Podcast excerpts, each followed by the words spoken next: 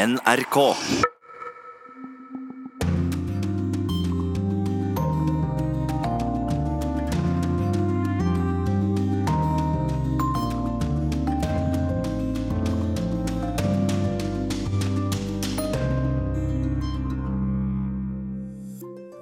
Unge kvinner i Tyrkia kaster hijaben, selv om de er konservative og religiøse.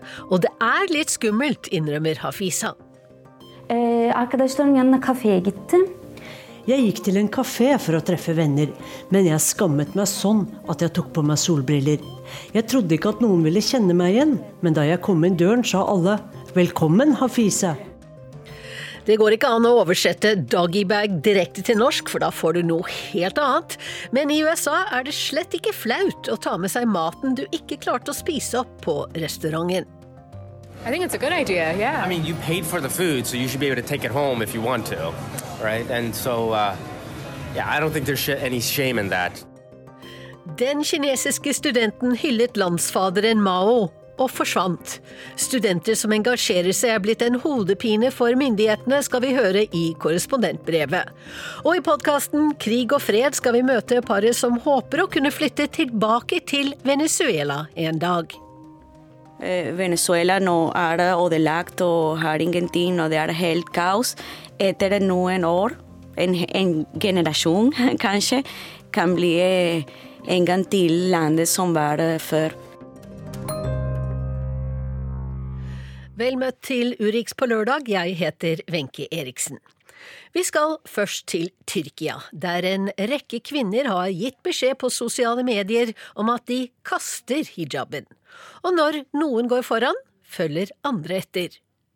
At konservative og religiøse kvinner kvitrer seg med sjalet så åpenlyst, er kontroversielt i Erdogans Tyrkia, og kollega Sissel Wold har møtt to av disse kvinnene som bestemte seg for å slutte med hijab. Anna odaklayamıyorum aslında. Ondan önceki bir yıl Jeg bestemte meg for å ta av meg hijaben ett år før jeg gjorde det, for jeg funderte så mye på hvordan det ville bli.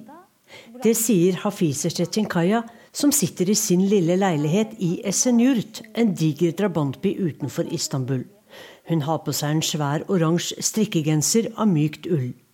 Tyrkisklæreren er fra en av Tyrkias mest religiøse og konservative byer, Konya i Anatolia. 10 yıl boyunca başörtüsü taktım. 14 yaşımdan 24 yaşım. Jeg gikk med hijab i ti år, fra jeg var 14. Og når du bare er 14 år, legger familien ditt et løp for deg, og du tror at det er det beste, forteller hun. Chetinkaya har store, brune øyne med et glimt og smil. Men hvordan var det for henne å gå ut uten sjal for første gang? Den første gangen jeg tok det av, var i Ankara. Jeg kjenner ikke mange der, så jeg ville prøve det ut der for å se om dette var noe jeg ville. Men jeg følte meg ukomfortabel, jeg var urolig, så jeg dekket håret mitt igjen og dro tilbake til Konya, sier hun. Noen måneder senere fortalte hun familien at hun ville slutte med hijab. Deretter gikk hun ut døren med det lange, mørke håret hengende fritt. Gittim. Jeg gikk til en kafé for å treffe venner, men jeg skammet meg sånn at jeg tok på meg solbriller. Jeg trodde ikke at noen ville kjenne meg igjen, men da jeg kom inn døren, sa alle 'velkommen, Hafize'. Folk spør meg hele tiden hvorfor jeg tok av meg hijaben, men jeg er lei av de spørsmålene, og jeg har ikke lyst til å snakke mer om det, sier hun. Så hvorfor tok hun den av? Vel, flere kvinner begynte å ta av seg hodeplagget. Men i mitt konservative samfunn tror man at hijaben er det viktigste for muslimer. Og at det er viktigere at kvinner dekker håret enn at folk ber. Ingen blander seg om du ikke ber. Men om du ikke går med hijab, ja, da får du høre det fra alle, sier hun. Etter hvert ble Chetinkaya overbevist om at hun ville være en like god muslim selv om hun ikke brukte hijab. Om Allah mener at vi skal dekke oss til, så vil han tilgi meg, tror 27-åringen. Det er tre år siden hun kastet hijaben nå. Men hvorfor er dette så kontroversielt her i Tyrkia? Under president Erdogan styres landet i en langt mer konservativ og religiøs retning. Og under regjeringspartiet AKP har konservative tyrkere fått et sosialt og økonomisk løft. Du ser kvinner med hijab oftere, og det å dekke til håret er blitt langt mer vanlig. For hijaben er blitt et politisk plagg, sier Hafize Çetinkaya. yaklaşık 8 sene kadar başörtüsü taktım yani 14-15 yaşlarımdan. Journalisten Bushra Jebeji begynte også med hijab da hun var 14, og tok den av da hun var 22. Hennes familie er også religiøs. Bushra er en lesehest, og hun slukte alt hun kom over hjemme. Men alle bøkene handlet om islam og konservative verdier. Etter hvert ville hun utforske andre tema. Hun begynte å lese om tyrkisk historie, og våknet politisk. Samtidig flyttet hun hjemmefra for å studere. E, Hun skiftet både politisk ståsted og vennekrets. Og hun tok av seg hodeplagget. Den første dagen uten hijab var merkelig for henne. Hun følte at alle stirret. Hun tok på seg solbriller og trodde heller ikke at noen ville kjenne igjen henne. Medstudentene sa ikke noe da hun kom inn i klasserommet med håret hengende fritt, etter å alltid ha sett henne med hijab. De sa ikke noe, men jeg vet at de hvisket sammen, forteller hun. e, aslında bana Da jeg fortalte hjemme at jeg hadde sluttet med hijab, ble faren min veldig sint. Jeg vil ikke se ansiktet ditt mer, sa han. Far og datter brøt kontakten. Senere ble Bushra journalist og skrev en rekke artikler om kvinner med hijab som følte et sterkt press fra samfunnet. De turte ikke gå uten sjal selv om de selv ønsket det. Artiklene vakte oppsikt, mange leste dem, også faren hennes. Han ringte for å rose henne. babam bunu söylediğim zaman Jeg tror at han innså at mange kvinner føler at de undertrykkes, forteller Bushra. Far og datter fant hverandre igjen. I januar har mange tyrkiske kvinner delt bilder av seg selv med hijab og så uten, under emneknaggen 'Ten Years Challenge' og 'One Year Challenge'. Meg for ti år siden og nå. Meg for ett år siden og nå. Kvinnene tvitret stolt om at de hadde kastet sjalet, og viste seg frem. Dette var utenkelig for bare noen måneder siden, mener både Bushra og Hafize. Det gjør det lettere for andre å følge etter, er de sikre på. Det viktigste for både Bushra og Hafize var at ingen skulle sette dem i en bås, verken politisk eller religiøst. Ingen skulle tro at de var en annen person enn det de selv syntes at de var. For Bushra begynte hijaben å bety rammer og forventninger fra andre. For med hijab kunne hun ikke kjøpe alkohol eller være på steder der folk drakk øl eller vin. Men fordelen med hijaben var at den alltid holdt ørene og halsen min varm vinterstid, minnes hun. Bushra Jebeji er glad for at det er lettere for mange kvinner å bestemme selv nå. For husk at jeg driver ikke noen kamp for at kvinner skal kaste sjalet. Jeg er bare opptatt av at kvinner skal ha fri vilje, enten de vil dekke håret eller ikke. Det sier journalisten, som elsker å kjenne at vinden rusker i det lange håret hennes.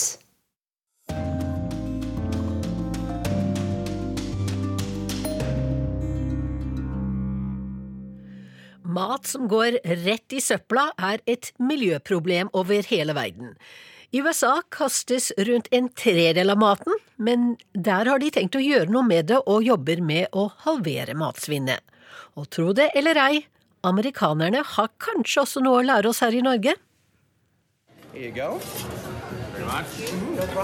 Kelsey McDyer får levert en boks med maten hun har til overs etter å ha bestilt en pizza på restauranten Arkery i USA. I think it's really convenient to be able to go home and eat what you didn't finish in the restaurant.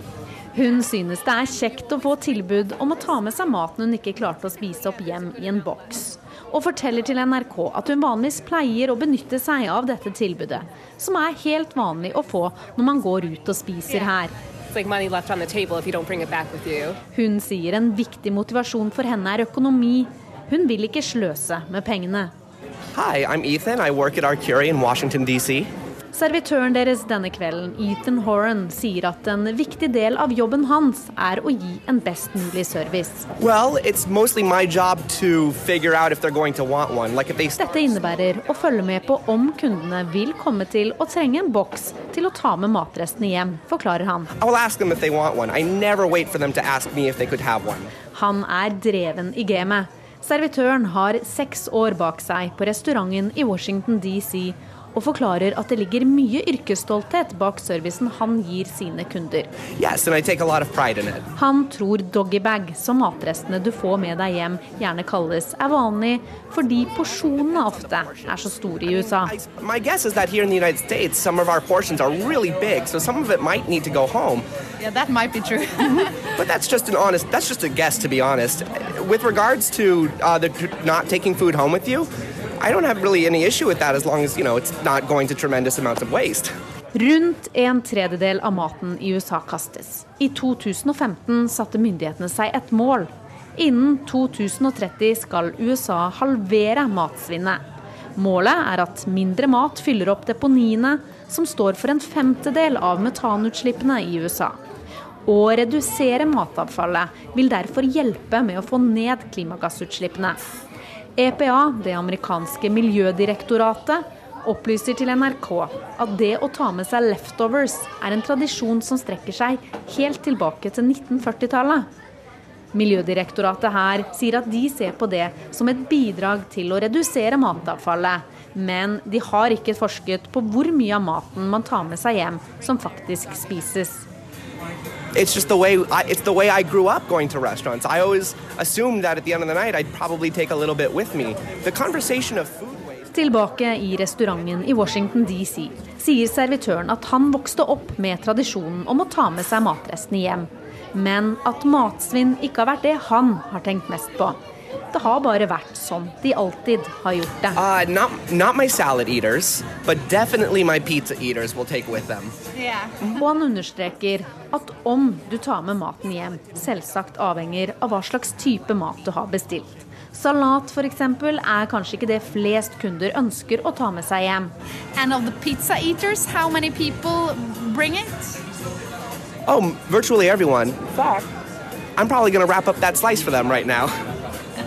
Go and do it. Det er også Kelsey McDyre og vennen John Kim enig i. Men de synes alle burde få tilbud om å ta med maten hjem dersom de ønsker det, også i Norge. I think it's a good idea, yeah. I mean, you paid for the food, so you should be able to take it home if you want to, right? And so, uh, yeah, I don't think there's sh- any shame in that, to be honest with you. Yeah. Yeah. Anything else you can do for y'all? Og vi får kanskje tro at USA-korrespondent Veronica Westin også hadde med seg en doggybag hjemover. Som vi hørte i Dagsnytt, så har eh, president Vladimir Putin bekreftet at han følger USAs eksempel og trekker Russland ut av nedrustningsavtalen INF. Det sa han i dag eh, på et møte. Eh, beslutningen var ikke akkurat en overraskelse, siden amerikanerne varslet at de trekker seg ut av avtalen i går. Og Putin sier da i tillegg at han ikke kommer til å bruke mellomdistanseraketter med atomvåpen så lenge Washington ikke gjør det. Vi skal til Japan nå. Det er snart åtte år siden ulykken ved kjernekraftverket i Fukushima. Og torsdag denne uken kom Det internasjonale atomenergibyrået IAEA med en rapport. Der blir det jo klart at atomanlegget som ble rammet av tsunamien, ikke er stabilisert ennå. Den unge gutten bukker foran mikrofonen. Han har på seg en mørk blå skoleuniform og hvit skjorte. Nå er det vår tur til å hjelpe, sier han. Seremonien markerer åpningen av en skole i den japanske byen Fukushima. Skolen har vært stengt siden mars 2011.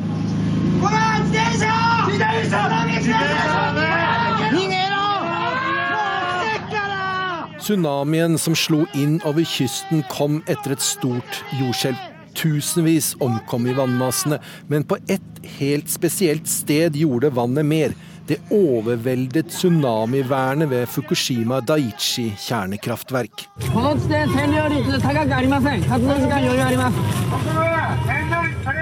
Resultatet så vi på alle TV-skjermer i noen intense dager. Desperate brannfolk med gassmasker som forsøker å få kjølende vann inn i reaktorene.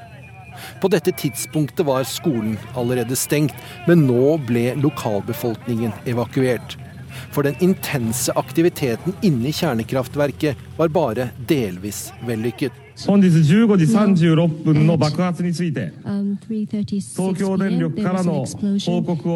Talsmannen for den japanske regjeringen forteller pressen om det som har skjedd.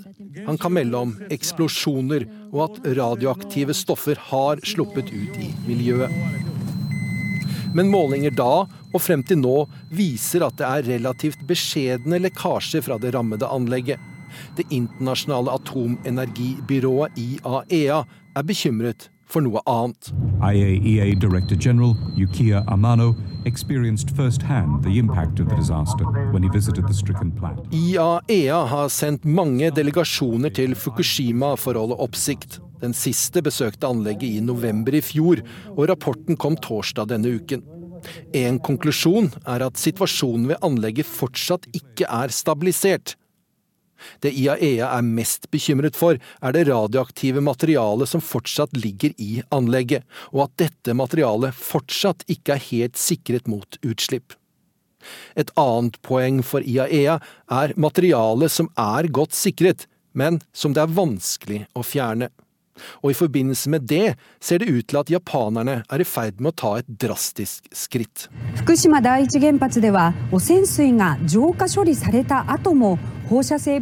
Bildene viser over 500 vanntanker inne i Fukushima-anlegget. Det er nesten 800 000 kubikkmeter vann som har blitt brukt til å kjøle ned reaktorene.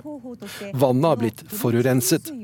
Det meste av forurensningen er nå fjernet, men ett radioaktivt stoff, tritium, greier de ikke å bli kvitt. とにかく海洋放出はダメこれが今回の問題を追及する我々市民の一致した意見です Japanske fiskere i området protesterer, for planen nå er å helle alt det forurensede vannet ut i havet. Fiskerne er enig i argumentet om at dette egentlig ikke er så farlig, det er mye annet radioaktivitet i havet.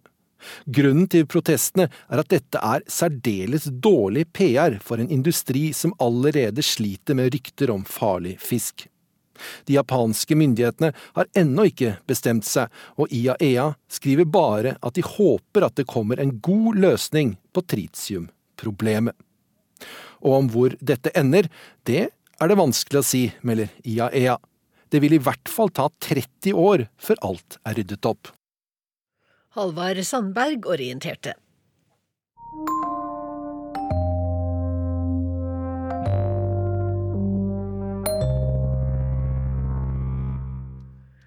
Ved disse tider i morgen reiser pave Frans til De forente arabiske emirater, der han skal delta i et møte om tverrreligiøs forbrødring. Den romersk-katolske paven er tilhenger av personlige møter og dialog når han forsøker å skape økt forståelse mellom folk som trosmessig står langt fra hverandre. Joar Ho Larsen har mer om pavens besøk. Caro popolo degli Emirati Arabi Uniti. Al-salam alaikum. La pace sia con voi. Der forgjengeren Benedikt 16. kritiserte og til dels fordømte islam, vender pave Frans det andre kinnet til og reiser, som den første pave noen gang, til den arabiske halvøya, altså islams arnested, med et åpent sinn og en utstrakt hånd. Di fratellanza umana e di incontro tra diverse civiltà e culture. Vertsnasjonen De forente arabiske emirater seiler under to flagg. De syv småstatene, som kalles UAE, er verdensledende når det gjelder kreative påfunn for å tiltrekke seg oppmerksomhet og turister. Verdens høyeste bygning, Burj Khalifa, ligger i Dubai. Det samme gjør verdens mest luksuriøse hotell, Flyplassen, med verdens største terminalbygg, er et reisemål i seg selv på grunn av luksusbutikker og verdens største taxfree-salg. På Mall of the Emirates har de et eget skianlegg, og de kunstige øyene ute i Persiabukta er viden kjent. Men det er mer. A multi-billion dollar cultural transformation is taking place. A Guggenheim Museum, the first ever Louvre museum, to be built outside Paris.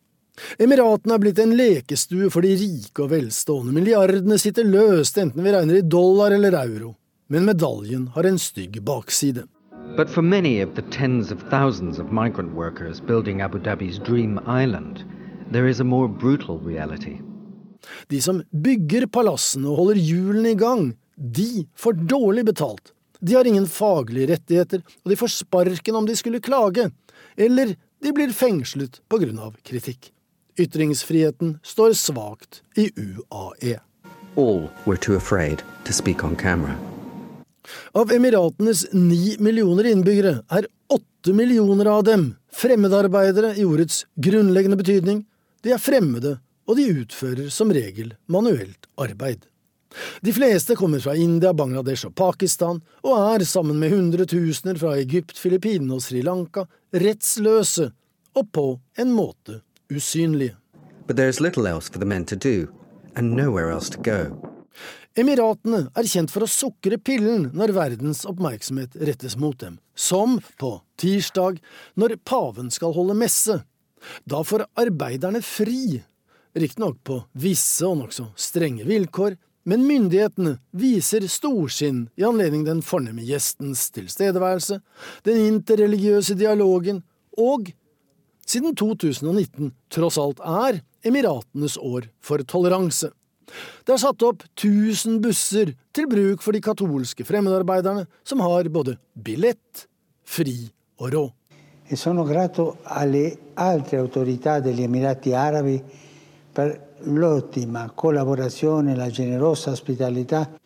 Det er ca. én million katolikker i Emiratene, altså fremmedarbeiderne. Og kirken er et fristed for mange av dem, et lyspunkt i en ellers nokså kontrollert og undertrykkende hverdag, der det å være kristen, altså vantro, verken er lett eller trygt. I en slik kontekst kan et besøk av en pave med evne til å lytte og bygge broer kanskje fungere positivt. I hvert fall så lenge lysene er på og kameraet går. Grazie tante e pregate per me. Og når vi først er på de kantene, så tar vi med at partene i eh, Jemen-krigen skal møtes i Jordan neste uke for å forhandle om en eh, fangeutveksling.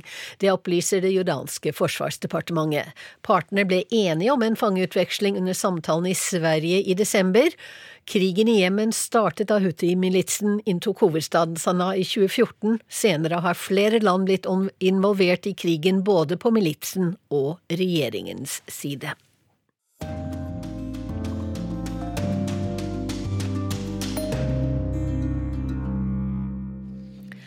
Det blir litt musikk her i Urix på lørdag nå. På Daniel McIntyre Collegiate i Winnipeg i Canada har de elever fra 42 forskjellige land, og de elevene snakker 35 forskjellige språk. Det har skolens kor tatt konsekvensen av. De synger sanger på hebraisk, fransk, swahili og engelsk, for å nevne noe, og kanskje lærer de også noe om hvordan det er å uttrykke seg på et fremmedspråk. Canadisk TV ble med på en korøvelse.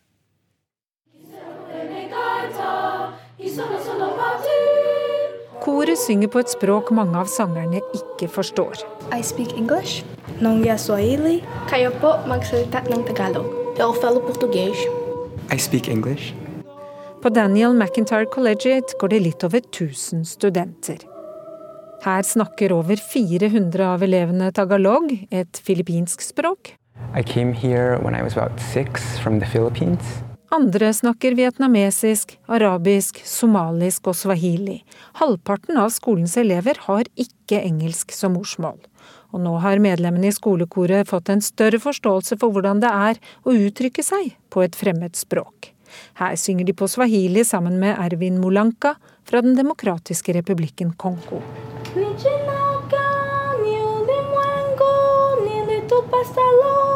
And then we respond.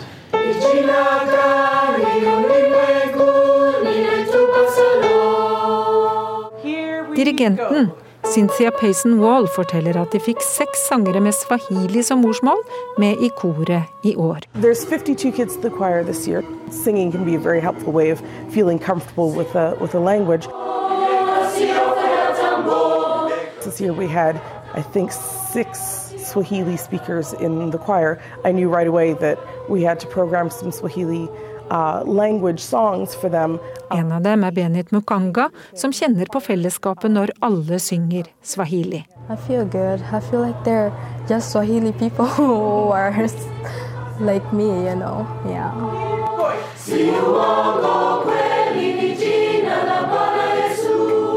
Our kids are very thoughtful. They did think about things like, wow, this is a real struggle for me to wrap my mouth around these sounds from another language, and yet I'm sitting beside someone who is doing that all day, every day. Og dirigenten mener tungegymnastikken gir de engelskspråklige en nyttig kunnskap, nemlig hvor krevende det er å snakke et fremmedspråk. There are so many different people, and music is a way that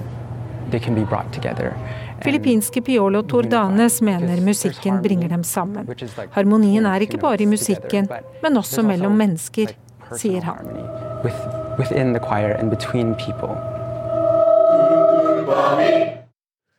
Reporter her var Marit Kolberg. Og ukens korrespondentbrev det kommer fra Kjersti Strømmen i Beijing. Jan Jun-jun er høy og mørk. Han likner en av de attraktive unge mennene som kvinner i dagens Kina lengter og leter etter. En 21 år gammel mann med framtida foran seg. En såkalla Gao Fu Shui, som på kinesisk betyr høg, rik og vakker.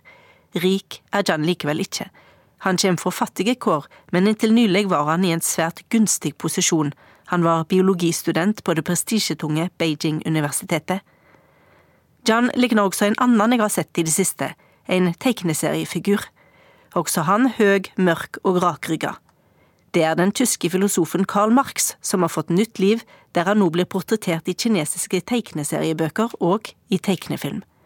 En mann fra ei anna tid og ei anna vær, skapt på ny i Kinas bilde. Lanseringa er et forsøk på å børste støv av en filosof som har vært av stor betydning for Kinas utvikling 200 år etter at han ble født. Og siden ungdommer sjelden vil interessere seg for gamle menn med bustete hår og skjegg, er han i tegneserien portrettert mer tiltalende som en opprørsk ungdom. Jeg vet ikke om Jan har sett Karl Marx som tegneseriefigur, og jeg får ikke spurt han om det. Jan er nemlig forsvunnet. Det hele er litt absurd. Jan er marxist. Karl Marx er hans store helt, men trass i at landet altså prøver å skape entusiasme for den gamle filosofen, er det trolig nettopp Jan sin dype fascinasjon av Marx som gjør at ingen nå vet hvor han er. I traileren om tegneseriefiguren Karl Marx står arbeiderne på barrikadene. Med løfta knyttnever kjem ropet Arbeidrar, endelig står vi samla, og sammen reiser vi oss i protest. Jan er del av den marxistiske klubben på Beijing-universitetet. Studentene engasjerer seg i arbeiderne sine kår, og da spesielt de som jobber på universitetsområdet. Om arbeidere blir dårlig behandla, taler studentene deres sak. De arrangerer fest, dans og fritidsaktiviteter for at arbeiderne skal ha noe å glede seg til. Som for tegneseriefiguren Karl Marx handler det om kjærleik. Medan filmen handler mest om kjærligheten til kona Jenny og forelskelsen med henne, er det nestekjærleik som har stått mest på dagsorden hos Jan. Ifølge meningsfeller skal en av rengjøringsarbeiderne på Beijing-universitetet ha snakka varmt om Jan. At Jan alltid gjør sitt beste når han er med på å organisere aktiviteter, og at den unge mannen ivaretar alle etter beste evne. Det burde være etter boka. Kinas president Xi Jinping insisterer på at kineserne ikke må glemme landet sine sosiale røtter når den kinesiske drømmen nå står for døra. Han sier at Marx sine teorier er helt korrekte. Filmen om Marx viser hvordan filosofen ble god venn med Friedrich Engels, og hvordan dette vennskapet førte til teorien om kommunisme. Målet til kommunismen er et samfunn uten sosiale klasser, penger og statsmakt, og der en har felles eie over produksjonsmidler. Et samfunn der alle arbeider etter evne, og får etter behov. Kinas styresmakter taler varmt om denne arva, og kaller sin leveveg for sosialisme med kinesiske karakteristikker. Det er det likevel ikke så mye igjen av i et land der folk har fått mye penger mellom hendene, men der ulikskapen fremdeles er stor. Mange vil hevde at samfunnet likner mer på kapitalisme. Det er denne ulikskapen marxistene vil til livs. Ofte kommer ungdommene som slutter seg til marxistklubbene for dårlige kår, slik som Jan. De vil ha mer rettferdig behandling av sliterne i samfunnet. De vil at ulikskapen skal bli mindre. Dramaet begynte i sommer. Arbeidere på en fabrikk i Shenzhen sør i Kina protesterte mot dårlige kår. De ville ha ei uavhengig fagforening. I Kina finnes det ikke det. Det finnes bare en paraplyorganisasjon som heter Den kinesiske føderasjonen av fagforeninger, men arbeiderne på fabrikken mente at deres representanter ikke gjorde annet enn å støtte ledelsen på bedrifter. Arbeiderne demonstrerte. Sammen med studenter fra ulike deler av landet reiste Jan ned til Shenzhen og hadde støttedemonstrasjoner. Studentene så det som si sosialistiske arv å stå side om side med arbeiderne. Det likte ikke de lokale styresmaktene. Opprørspolitiet storma leiligheter der studentene bodde, og arresterte flere. Noen forsvant. Medstudenter og flere uteksaminerte studenter engasjerte seg i å finne de som var forsvunnet. Det likte ikke ledelsen på Beijing-universitetet. I fjor fikk dette universitetet en ny rektor, og signalene det sendte, var at det kom til å bli strengt. Chu Shuiping har vært sjefen for Beijing-avdelinga til den nasjonale etterretningstjenesten. Likevel var det overraskende røft da en av de som sto i spissen for å finne de sakene sjøl ble gripen. Studenter forteller at svartkledde og maskerte menn kasta seg over folk og la dem i bakken like utenfor kantina på universitetet. Etter først å ha tatt feil person, tok de den unge mannen de hadde leita etter, med seg i en bil. Studenter som filma hendelsen, ble tvunget til å slette alt materiale. Jeg intervjua flere av disse unge marxistene i vinter. De var redde for å bli arresterte og kasta ut av sin universitet. De ville derfor bare bli intervjua om de ble anonymiserte. Vi måtte være svært forsiktige og avtalte på apper som skulle være trygge mot overvåking. Med lua godt nedover andletet ble en som kaller seg Carl, filma slik at ingen kunne kjenne han igjen. En annen var så redd for å bli sett med en utlending at han ikke ville treffe meg personlig. En kineser måtte de få gjøre det hemmelige opptaket på vegne av meg. Korkje navn, stemme eller utsjånad kunne bli avslørt. Studentene fortalte om refs fra lærere som truga med alvorlige konsekvenser om de støtta opp om en ulovlig organisasjon som hadde planer om å kaste regimet. Foreldre ble oppringt og frykta for sønner og døtre si framtid. Ifølge studenter på Beijing-universitetet ble de nylig tvungne til å se videoer av de som ble arrestert eller forsvant, der disse brått sto fram som angrende syndere på video. Medstudentene forteller at de hadde mørke ringer under øynene og så ut til å angre under tvang. Trolig er det denne våren som gjør at styresmaktene frykter det sterke engasjementet fra studentene, og de marxistiske klubbene blir lagt ned. Kinesisk universitet har vært vogga for sterke, radikale rørsler. 4. mai i år er det 100 år siden flere tusen studenter samla seg på Den himmelske fredsplass og annet kritiserte egne styresmakter. Og 4. juni er det 30 år siden det mest liberale kapittelet i kinesisk historie endte med massakren på Den himmelske fredsplass. Også det begynte med et studentopprør. Styresmaktene er vare på alt som kan være en gnist til et for stort engasjement det kan jo bli til et flammende opprør.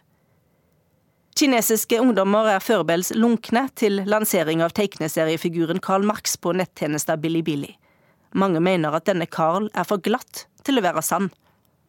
Samtidig straffer det seg altså å bli for engasjert. Jian Jianzhen ble arrestert og forsvant da han hylla Kinas landsfader Mao Zedong på hans fødselsdag. Mao hadde òg Karl Marx som sin helt. Nå har vi fått vite at John også har blitt kasta ut av universitetet, og med det er hans framtid knust. Moralen fra dette er da kanskje marxisme i teori, men ikke i praksis. Opposisjonen i Venezuela, med Juan Guaidó i spissen, har varslet massedemonstrasjoner over hele landet i dag. Men også tilhengerne av Nicolas Maduro skal ut i gatene. I dag er det nemlig 20 år siden hans forgjenger Hugo Chávez ble valgt til president og satte i gang med store sosialistiske reformer. Samtidig møttes Arve fra Sortland og Valeria fra Caracas i et land som sto foran store endringer. Nå følger de og andre som har flyktet fra landet, den dramatiske situasjonen som de håper vil føre til et nytt styre. No dispares al pueblo de Venezuela. No ikke skyt på folket, roper en 35 år gammel politiker som ser ut som han kunne vært lillebroren til Barack Obama. Det er dramatiske dager i Venezuela, der Juan Guaidó sier han er landets rettmessige leder. mens den sittende presidenten Nicolas Maduro nekter å gå av eller å skrive ut nyvalg. Tre millioner venezuelanere har flyktet fra det sosialistiske eksperimentet i landet sitt. Nå følger de dramaet fra utlandet. Det er nesten hver dag som jeg, jeg, jeg tenker Hva gjør jeg her? Hallo?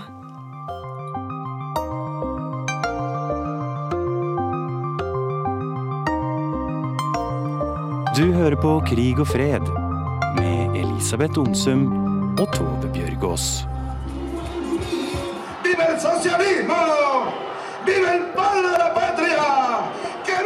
Han har på seg en gul, blå og rød treningsdrakt og blir møtt med øredøvende jubel.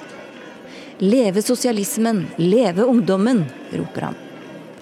I 1998 ble Hugo Chávez valgt til president i Venezuela. Han startet det han kalte den bolivarianske revolusjonen, og satt ved makten til han døde i 2013. Da overtok hans håndplukkede etterfølger Nicolas Maduro. I 1998 reiste jeg til Venezuela for første gang. Jeg jobbet for en frivillig organisasjon som heter AFS, og som drev med elevutveksling på videregående. Og i den samme organisasjonen jobbet Valeria fra Caracas og Arve fra Norge, som hadde møtt hverandre gjennom jobben. Og nå hadde du, Arve, flyttet eh, til Venezuela. Hvordan var dette landet i 1998? Jeg flyttet til Venezuela i april 1998, og jeg kom til et latinamerikansk land hvor ting fungerte på, på, sin måte. Det var jo flott, det var jo bra temperatur, det var flott forhold, et tropisk land. Og jeg kom til et land som eh, var som et normalt land, kan man si. Så det var egentlig veldig fint å komme dit. Og mitt navn er Arve Villassen. Jeg bodde i Venezuela tolv år, fra 1998 til 2010. Jeg ble gift og fikk stifta familie der, og flyttet, vi flyttet hele familien tilbake til Norge i 2010. Men la oss gå litt tilbake. Hvordan møttes dere egentlig? det, det, er en lang historie. Jeg jobbet jo AFS her i Norge og var ansvarlig akkurat da for å sende studenter rundt omkring i verden. Og noen skulle til Venezuela, og tre-fire dager før de skulle sendes, oppdaget at det hadde vært gjort en feil av min assistent. Jeg tenkte det var ikke så veldig farlig, men det var litt viktig at de fikk beskjed, så vi sendte en faks. Det var jo, dette var jo før internettet, egentlig. Eh, til Venezuela, og ble, det ble mottatt. Og så fikk jeg en faks tilbake. Jeg husker jeg var innom kontoret klokken ti om kvelden og, og tenkte at her er det kommet et eller annet svar. Og det var et svar som har kommet, og nei, dette gikk ikke. Så da var det litt fram og tilbake å få koordinert den nye ankomsten eh, til Venezuela, og dermed så var jeg i kontakt med den personen som mottok eh, studentene i Venezuela. Det var Valeria. Så første samtalen vi hadde, det var på engelsk. Jeg foretrakk å ta engelsk. Jeg var, litt, jeg var ganske dårlig spansk. Eh, og det var egentlig en ganske stor krangel, hvor jeg liksom måtte løse en vanskelig situasjon. da. Ja. Og da satt du i den andre enden? Ja, og så vi ja, vi fikser det. Og jeg, jeg sa til Arve ok, eh, minst en sjokolade til meg, men det var, det var bare for å, for å tulle og sånn. Og, og, han sendte meg en sjokolade. Så det var faktisk en firkløver. Og når jeg leste det, selvfølgelig, jeg leste firkløver, lover, og jeg tenker oh my god, han er rask. Mitt navn er Valeria Villasen, jeg kommer fra Venezuela. Jeg er psykolog, og vi bor i Norge nå med mannen min og to døtre.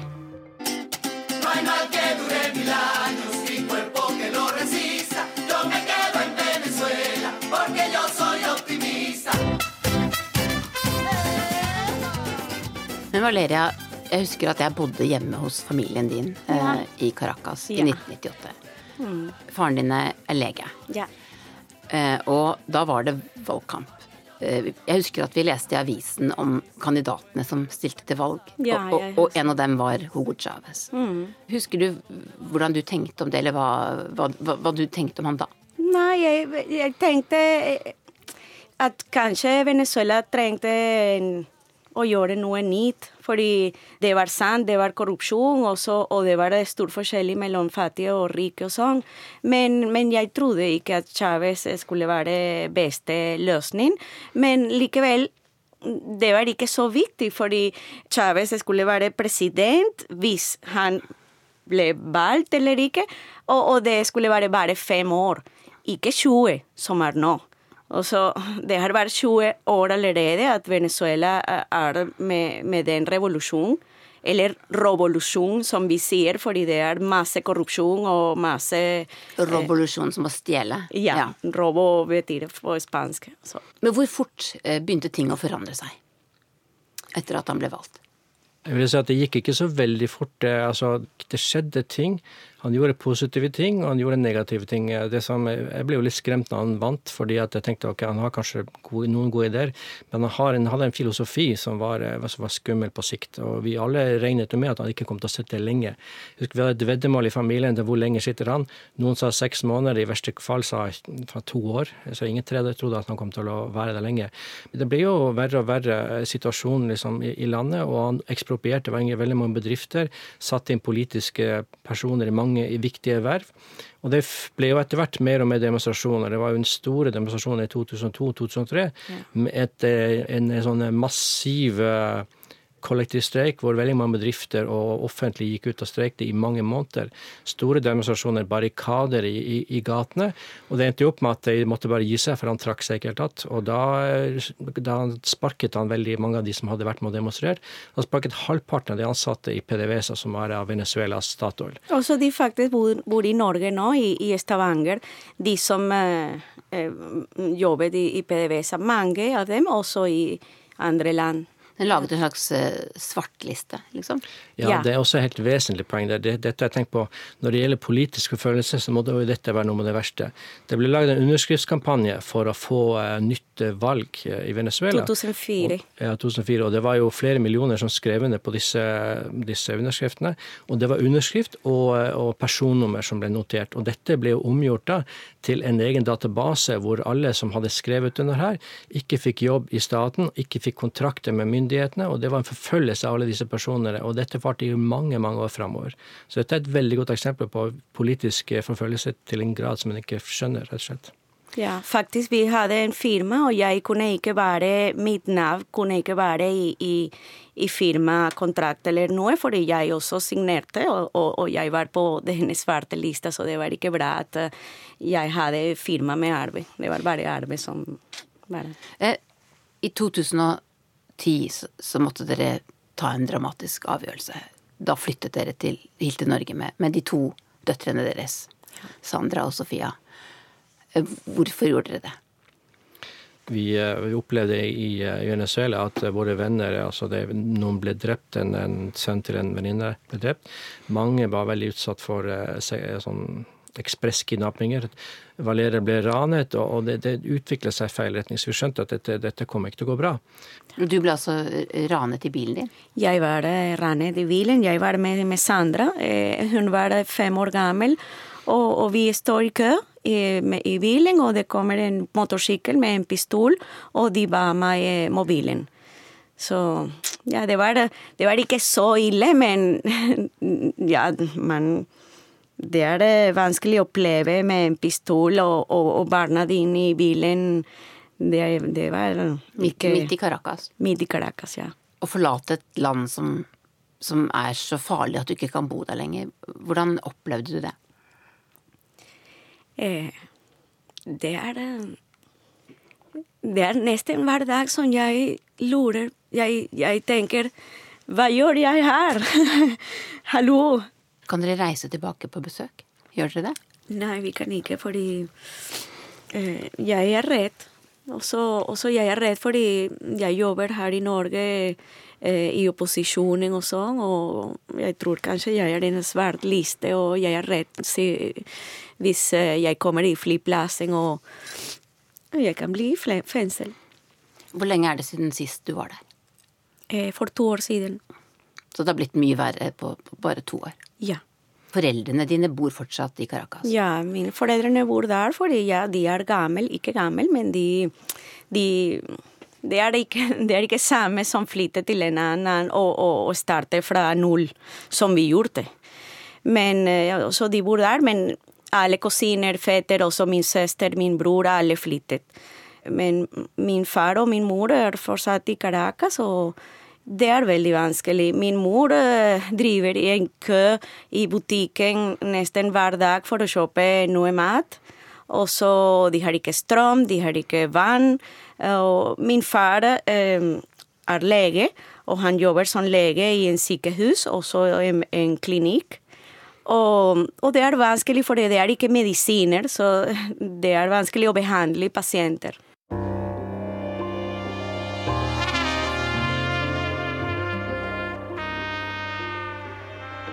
Jeg har jo snakket med helsepersonell her som forteller om det som man kaller for stunting. Det er et litt rart begrep, men det betyr at folk blir kortvokste.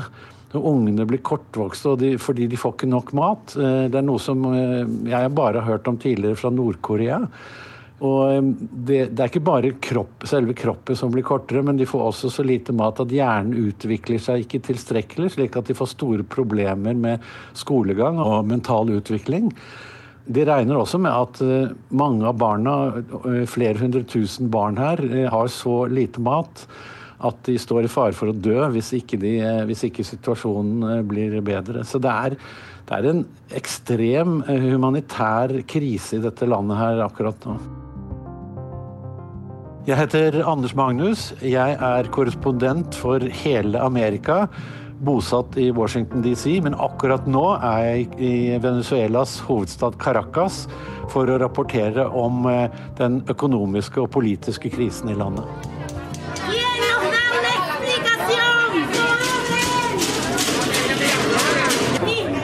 Det er mye snakk om disse butikkene hvor det er så lange køer. Ser du de køene?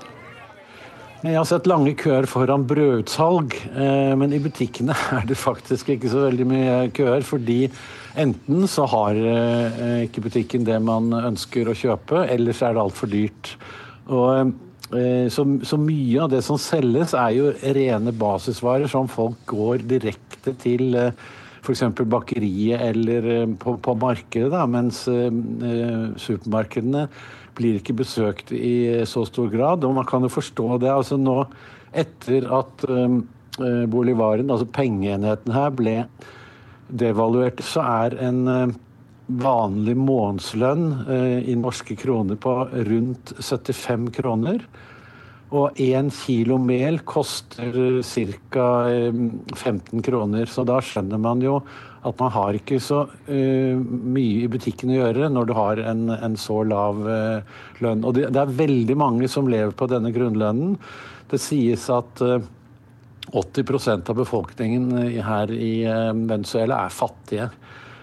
Du har vært uh, veldig mange steder, Anders. Bl.a. i Asia, hvor du var korrespondent før, og, og, og vært på naturkatastrofer og, og, land hvor det er krig og, uro. Hvordan sammenligner du det du ser uh, i Caracas med, med, det du har sett før? Altså, det, det, jeg forteller til kollegene mine, er at jeg så å si kjenner uh, lukten av forandring her nå. Og det jo, kan være både positivt og negativt, men jeg føler at det, er, det kommer til å skje noe i løpet av neste, eller denne uken her. Er, eh, opposisjonen er veldig veldig påfangsgivende, og de er veldig håpefulle. Og Hvis de klarer å stå løpet ut uten at uh, politiet og militæret griper inn, så blir det en forandring uh, hvor man kan regne med nyvalg innen ganske kort tid.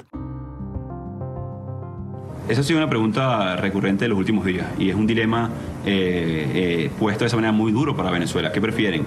¿Morir de hambre? Juan Guaidó blir spurt om han støtter en internasjonal militær aksjon. Han svarer at det er et vanskelig dilemma, og en løsning han egentlig ikke støtter. Vil folket dø av sult og se barna sine gråte i gatene? Eller vil de ha den ekstreme løsningen å bruke militærmakt? Hvem er Juan Guaidó? Juan Guaidó er en uh, ung uh, politiker som tilhører et parti som heter Voluntar Populær. Uh, det er et sosialdemokratisk parti, i hvert fall i navnet, og er ledet av den mye mer kjente Leopoldo Lope, som var en leder for opposisjonen fram til for noen år tilbake, men som nå sitter i husarrest. Mitt navn er Leiv Marsteintrede. Jeg er førsteamanuensis ved Institutt for sammenlignende politikk ved Universitetet i Bergen, og jeg forsker på Latin-Amerika. Guaidó han, han, ble kjent, eller han ble i hvert fall steg i gradene som politiker under de store studentdemonstrasjonene tilbake i 2007, da Hugo Chávez ledet an i en folkeavstemning for å tillate at presidenten, altså Hugo Chávez sjøl, skulle få lov til å bli gjenvalgt så mange ganger han ville som president. Så, han representerer på et vis noe nytt i, i opposisjonen, som, som jo har vært viktig fordi opposisjonen har vært langt nede. Den har vært diskreditert fordi eh, deres lovnader om eh, et skifte til demokrati har de ikke greid å holde. Han er altså 35 år gammel. Ligner ganske mye på Barack Obama, syns jeg, sånn av utseende. Enig i det? ja, han gjør kanskje det, og, og, og det er jo en fin parallell å ta. Og, og han, han, er jo litt annerledes enn en god del andre politikere. Han kom inn med en plan for hvordan han ønsket at, eh, at Venezuela skulle, skulle, få en demokratisk endring, eh, og der han da greide å alliere seg med de fleste latinamerikanske stater, i hvert fall de største og viktigste, samt USA og Canada for denne planen. Så slik sett så så, er den jo ny, frisk og ny retorikk og virker mye mer gjennomtenkt. Så, så jo da, gjerne det, enn en Barack Obama i Venezuela. Hola. I'm Mike Pence, the Vice President of the United States. And on behalf of President Donald Trump and all the American people, let me express the unwavering support of the United States as you, the people of Venezuela, raise your voices in a call for freedom. Tror du det er han som har planlagt eh, dette, eller har han fått veldig mye hjelp fra f.eks. USA? Ja, han, han, har selvfølgelig fått mye hjelp, men, og det eksisterer litt ulike forklaringer på dette. Men det er ingen tvil om at uh, dette her er en plan som utgår fra Venezuela. Og, og der endelig uh, de har greid å få internasjonal støtte for denne planen. Fordi uh, det er ingen tvil om at både USA og andre latinamerikanske land så har man vært skeptiske til de planene opposisjonen har, har presentert for å skape endring i Venezuela. Eh, men nå tror jeg det har gått så langt, og, nabolandet er såpass misfornøyd med Maduro, og de er såpass også bekymret for den migrasjonskrisen som er skapt, at nå var de villige til å gå om på, en plan som på et vis eskalerer krisen, og som var mer risikofylt. Eh, så det har vært mye diplomati. Han har vært hjulpet godt av eh, politiske ledere, venezuelanske ledere som, som lever nå i eksil, som har gode kontakter selvfølgelig inne i Washington, men også i Europa, og også til, til andre latinamerikanske land. Og så eksisterer det på et vis to fortellinger om, om USA sin rolle her. USA og Trump har visst vært eh, veldig opptatt av Venezuela tidlig, men klart at denne planen her er veldig utrumpsk. ikke sant? Altså Trump liker jo å utbasunere ting på Twitter før det er gjennomtenkt, og her, eh, her var det en gjennomtenkt plan. Hadde, vi hadde ingen anelse om dette for tre-fire uker tilbake. Det var ingenting som var lekket, eh, og, og, og planen ble annonsert før Trump var ute på Twitter, f.eks presidente Donald Trump. La sangre será la sangre que estará en sus manos. Presidente Donald Trump. Blodet som måtte flyte i Venezuela, vil være på dine hender, Donald Trump, sier president Nicolas Maduro. Når vi flyttet til Norge, det var bare for et år. det var ideen. Så eh, første år, faktisk, jeg, jeg studerte ikke norsk og ingenting, fordi det var bare et år, og vi skulle eh, dra tilbake til Venezuela og sånn, men situasjonen eh, ble verre og verre, så vi er her, og det har vært åtte og, og halv år allerede. Men nå skjer det dramatiske ting? Jeg har fem scenarioer der, og det beste scenarioet er egentlig at det militære går over på Guaidós side. At de skjønner at nå er det ikke lenger et demokrati i Venezuela. At de ønsker går fra å støtte Maduro til at de støtter det venezuelanske folk. Eh, det er det jeg tenker. Det er det beste scenarioet, for da, eh, da, skjer det ting raskt. Nummer to er jo at Maduro sier at ok, vi skal ha et valg. Hvis han sier det, så blir det stillstand. Og så blir det masse forhandlinger fram og tilbake. Hvordan skal dette valget være? Og så in the end får vi virkelig en overrekkelse av makten til noen andre. Det er ikke sikkert det heller. Andre alternativ er at det blir borgerkrig. En del av, eh, av militæret går over på Guaidó, og noen er Maduro. Da har du en borgerkrig. Stygg situasjon. Annet alternativ er selvfølgelig at det blir en militær intervensjon, som utgangspunktet en ikke ønsker det. Men altså, er det er nødvendigvis så mye verre enn at uh, det vi leste i, i, nettavisen på NRK to dager siden, 200 000 barn som er i ferd med å bli underernært. Et siste alternativ, at det ikke skjer noe som helst, det ser jeg som vanskelig nå. Nå, nå, nå kommer det til å skje et eller annet. Mm, det er sant. Er du redd for de som er igjen der? Veldig. Veldig. Og så min far eh, har ikke pass nå. De, de har et spansk pass, men eh, hvis du var født i Venezuela, du trenger å ha venezuelansk pass for å, å, å, å reise fra landet. Og, og, min far har ikke pass nå.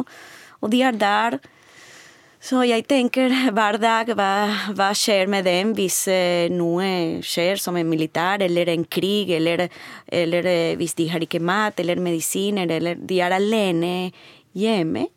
Og så Ja, jeg er veldig redd. Veldig.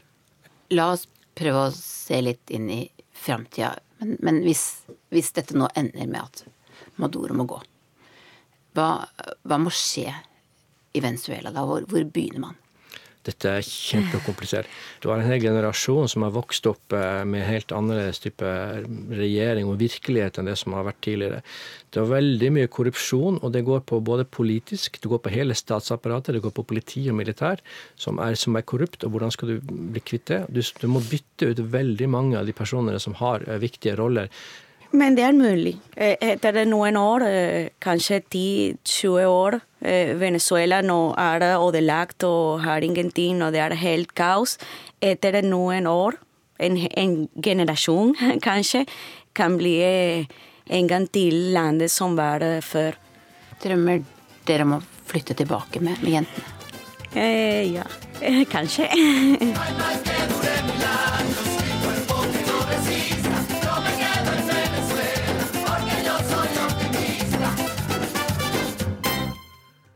Og med det er Urix på lørdag slutt. Teknisk ansvarlig var Lisbeth Sellereite, produsent Vidar Eidhammer, og i studio satt Wenche Eriksen, og vi sier takk for nå.